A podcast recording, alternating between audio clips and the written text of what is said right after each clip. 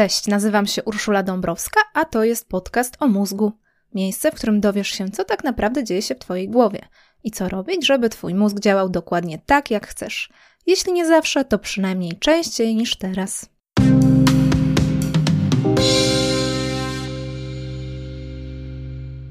Na początek chciałabym Cię poprosić o zalajkowanie lub obserwowanie strony podcast o mózgu na Facebooku. Możesz też dołączyć do newslettera na stronie www.urszuladabrowska.pl.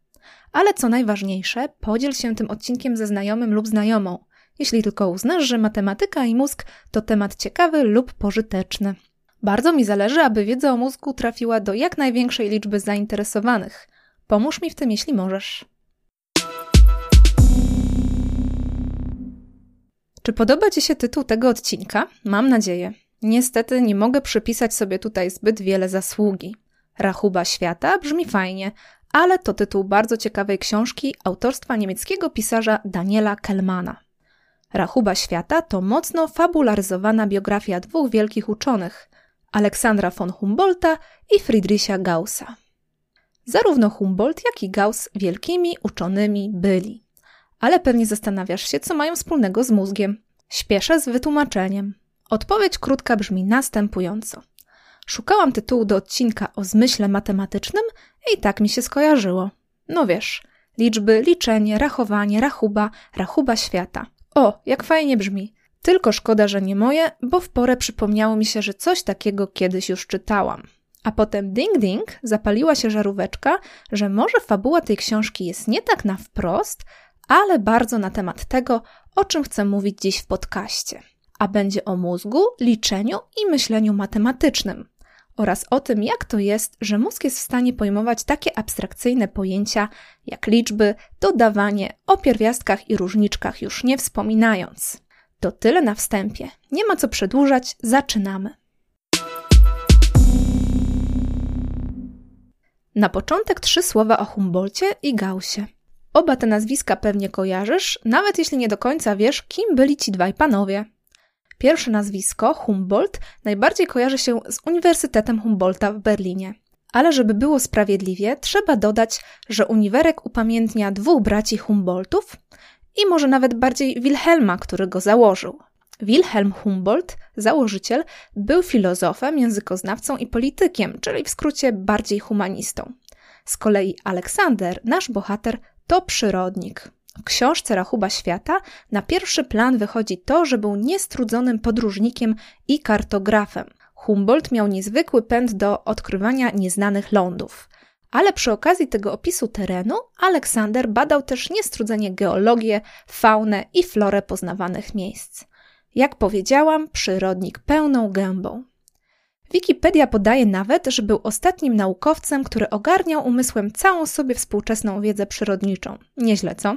No a teraz dwa słowa o Gaussie. Ten pan najczęściej pojawia się, gdy mówimy o krzywej Gaussa, czyli o tak zwanym rozkładzie normalnym lub inaczej o krzywej dzwonowej. Kto choćby liznął statystyki, ten wie, że nie da się mówić o prawdopodobieństwie, nie zahaczając co jakiś czas o krzywą Gaussa. Ale dorobek Gaussa to wiele więcej niż tylko rozkład normalny. Gauss to wielki matematyk, jak Newton czy Archimedes, i bardzo chciałabym Ci teraz powiedzieć coś więcej o jego teoriach i odkryciach, ale bez przesady. Matematyka jest bardzo poza moim obszarem kompetencji. Książka Rachuba Świata zgrabnie prowadzi czytelnika przez życiorys i geniusz Gaussa tak, że wszystko wydaje się jasne, oczywiste i do tego zachwycające. Ale nie będę udawać, że rozumiem odkrycia Gaussa na tyle, żeby zdać o nich relację. Odsyłam Cię do książki. W ogóle polecam bardzo tę powieść, bo jest zabawna, interesująca i jeszcze opowiada trochę o historii nauki. Dla mnie to przepis na książkę idealną. I choć z tego co pamiętam nie pada w niej ani razu słowo mózg, to jednak mówi bardzo dużo i obrazowo o tym, jak człowiek poznaje świat. Humboldt poświęcił życie, żeby eksplorować nieznane lądy i opisywać to, co poznawał. Gauss pracował głównie w zaciszu swojego gabinetu, ale i tak był w stanie odkrywać nowe prawa matematyki i zasady rządzące światem. Panowie na pierwszy rzut oka różnili się jak ogień i woda. Na tym kontraście zbudowana jest w ogóle kompozycja książki, w czym widzę bardzo duży jej atut. Ale ten kontrast między podróżnikiem a myślicielem to tylko pierwszy plan bo na drugim planie widać jak na dłoni, że obaj naukowcy po prostu wykorzystali na maksa możliwości swoich intelektów. i wbrew różnicom korzystali z jednej wspólnej właściwości mózgu. Tą właściwością jest zdolność do myślenia matematycznego. No i od razu zaznaczę, że wszyscy tę zdolność mamy, choć trzeba sobie jasno powiedzieć, raczej nie korzystamy w takim stopniu jak Humboldt czy Gauss. Może ty, ale ja na pewno nie. Zacznijmy od jednego podstawowego faktu. Tak, mózg rodzi się z predyspozycją do liczenia. Jest to coś niezwykłego, tak samo niezwykłego jak to, że rodzimy się z predyspozycją do używania języka. I od razu warto podkreślić, że te dwie umiejętności są ze sobą ściśle związane. Obszary mózgu, które odpowiadają za zdolność rozumienia i artykułowania mowy, są też aktywne w czasie liczenia. Co chyba nas nie dziwi, przecież ciężko jest przeprowadzać działania arytmetyczne bez używania w myślach słów. W dużym przybliżeniu cyfry są jak litery, liczby jak słowa, a równania jak zdania. Ciężko jest też uczyć się albo uczyć kogoś matematyki bez używania języka. Język jest głównym nośnikiem całej wiedzy, jaką ludzie przekazują sobie między sobą i z pokolenia na pokolenie. Nic więc dziwnego, że gdy neuronaukowcy badają mózg i matematykę, to znajdują powiązanie języka i matematyki. No bo te mózgi należą do osób, które posługują się mową. Za pośrednictwem języka uczyły się matematyki i nadal komunikują się z badaczami przy użyciu mowy. Zazwyczaj ludzie uświadamiają sobie swoje liczenie w głowie także dzięki myśleniu, a to myślenie zwykle zachodzi jako narracja, taki wewnętrzny monolog, który każdy z nas chyba zna z doświadczenia. Jeśli chcemy coś powiedzieć o matematyce w mózgu, to wypada na sam początek powiedzieć właśnie to. Matematyka i mowa idą ze sobą rękę w rękę. I w mózgu, i w świecie. To dlatego, że język jest fundamentem kultury, a matematyka, jak każda nauka, jest też wytworem kultury. Na marginesie dodam tylko, że do renesansu matematycy pisali działania właśnie tekstem, używając cyfr, ale opisując słowami działania typu dodawanie, odejmowanie. Symbole takie jak plus i minus wprowadzono dopiero w XV wieku. I na przykład taki plus to prawdopodobnie po prostu skrót od łacińskiego słowa et, czyli i. Zapis 2 i 2, czyli duo et duo, zaczęto skracać do duo krzyżyk duo. I potem wprowadzono kolejne symbole. Ale czy matematyka to tylko język? Absolutnie nie. I tutaj przytoczę cytat z Alberta Einsteina, który zapytany o tę kwestię miał odpowiedzieć następująco. Wydaje mi się, że słowa albo język, czy to mówione, czy pisane, nie odgrywają żadnej roli w moim procesie myślenia.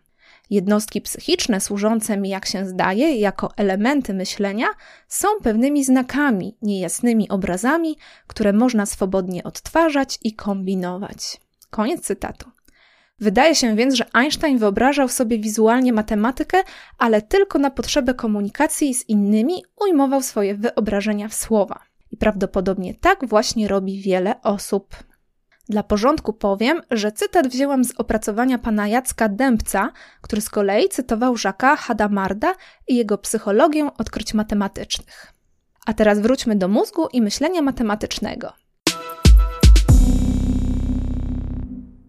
Wiemy już, że potrzebny jest język, ale to nie wszystko.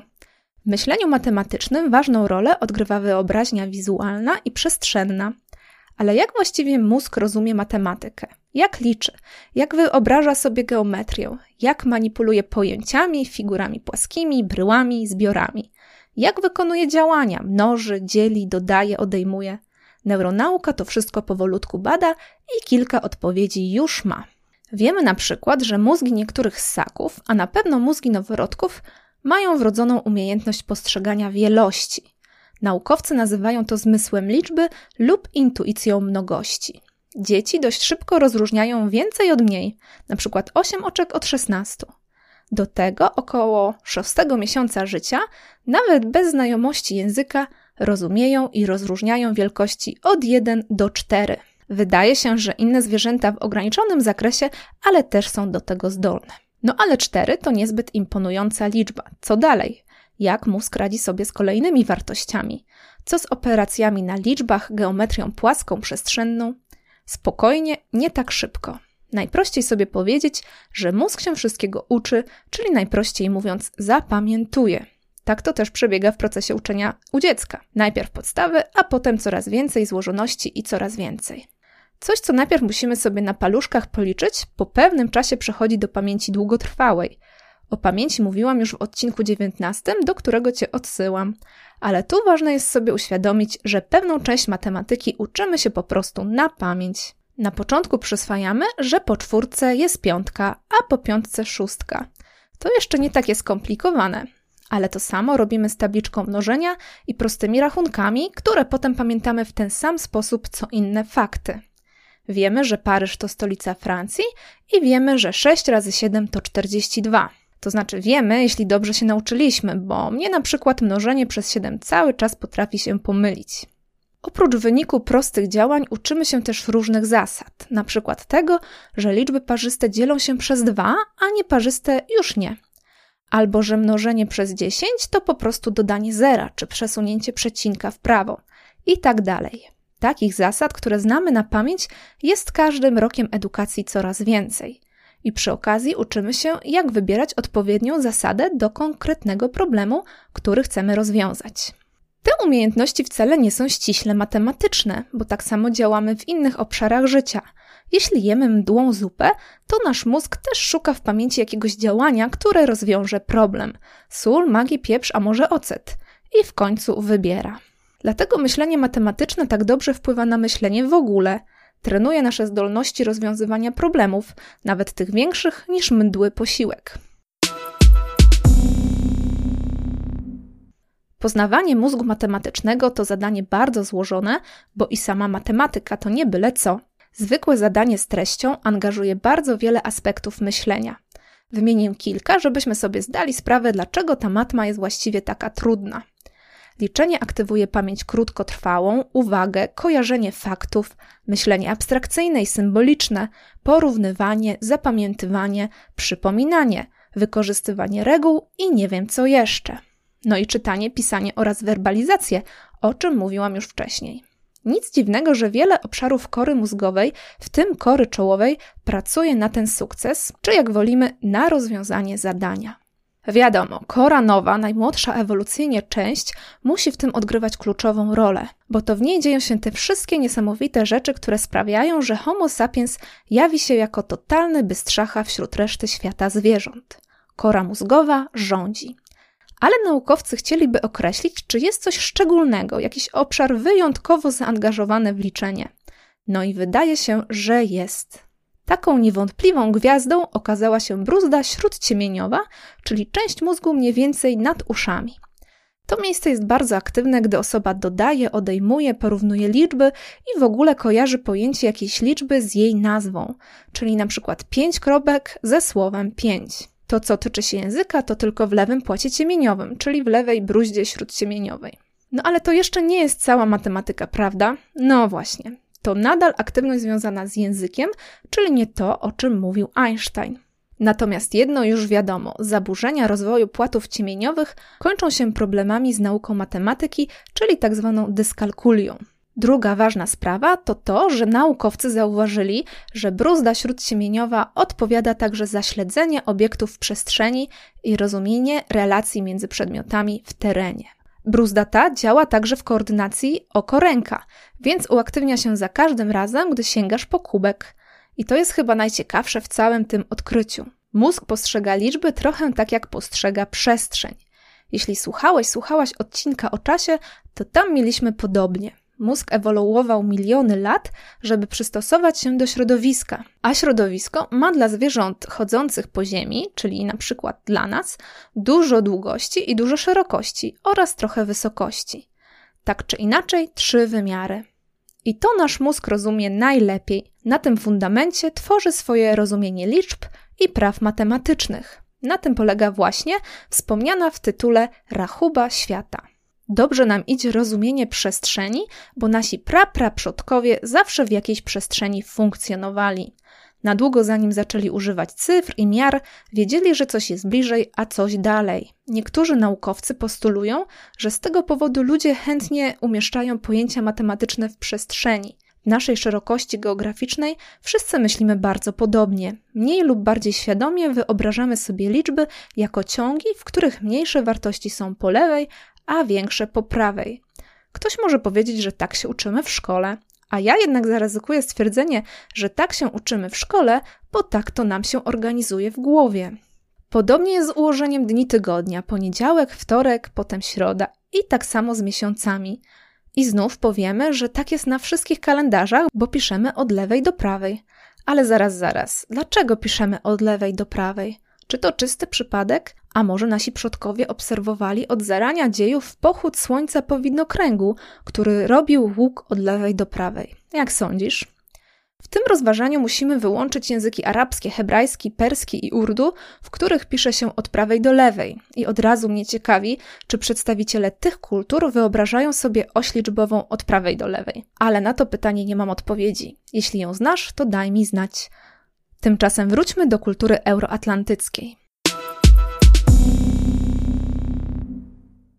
Jesteśmy w stanie myśleć matematycznie, bo myślimy przestrzennie. Dlatego tak lubimy używać grafów, osi liczbowej albo dwóch lub trzech osi, czyli układów współrzędnych. To wykorzystanie myślenia przestrzennego robi się aż nazbyt oczywiste, gdy mówimy o geometrii, bo przecież nauka o figurach płaskich wyłoniła się z potrzeby dzielenia areałów gruntu ale my lubimy umieszczać w przestrzeni nawet zbiory liczb, robić z abstrakcyjnych pojęć konkretne gruszki i jabłka, które możemy przekładać z koszyka na talerzyk itd. Tak to dlatego, że nasze rozumienie liczb tak właśnie wyewoluowało z potrzeby rozumienia przedmiotów w przestrzeni.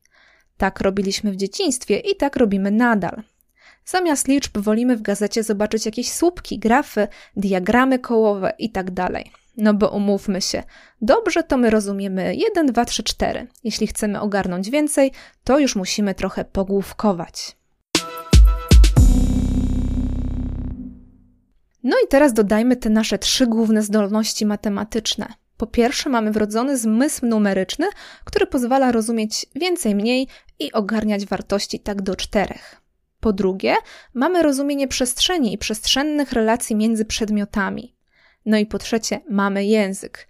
To on pozwala nam myśleć symbolicznie, a do tego umożliwia tworzenie kultury, czyli przekazywanie wiedzy i nabudowywanie się jej przez pokolenia. I co otrzymujemy z takiego równania? Język plus zmysł matematyczny plus rozumienie przestrzeni równa się cała ludzka zdolność do liczenia i myślenia matematycznego. A jak wiemy, bez matematyki nie byłoby fizyki, chemii, architektury, astronomii, informatyki i właściwie wszystkiego, co nas dzisiaj otacza. Jeśli do tego równania dodamy ogromny talent i poświęcenie życia, to czasem wychodzi z tego taki geniusz, jak na przykład wspomniany Einstein, Humboldt albo Gauss, od których zaczęłam ten odcinek. I to jest chyba dobry moment, żeby wrócić do naszych tytułowych bohaterów. Pamiętasz, Humboldt podróżował po świecie od Hiszpanii po góry Uralu i zachodnie Chiny, od dorzecza Orinoco po Meksyk i Andy. Jakby nie było bardzo dużo, a przecież mówimy o końcówce XVIII wieku. Co jak co, ale potrzebę eksplorowania przestrzeni miał rozwiniętą jak mało kto a Gauss w tym czasie rozwijał geometrię i tworzył dowody algebraiczne. Prawdopodobnie korzystał z tych samych struktur w mózgu co Humboldt, choć jeśli podróżował, to tylko po rodzimych Niemczech. Czy możemy mieć z tego jakiś morał? Może taki, że wszyscy mamy mózg matematyczny. Czy lubimy liczyć, czy też nie. Nie każdy z nas może być Gaussem albo Humboldtem, ale dla mnie dość pocieszająca jest myśl, że jeśli nasza bruzda śródciemieniowa jest odpowiednio wykształcona, to podatki jakoś policzymy. No i na szczęście mamy czas do końca kwietnia. Damy radę.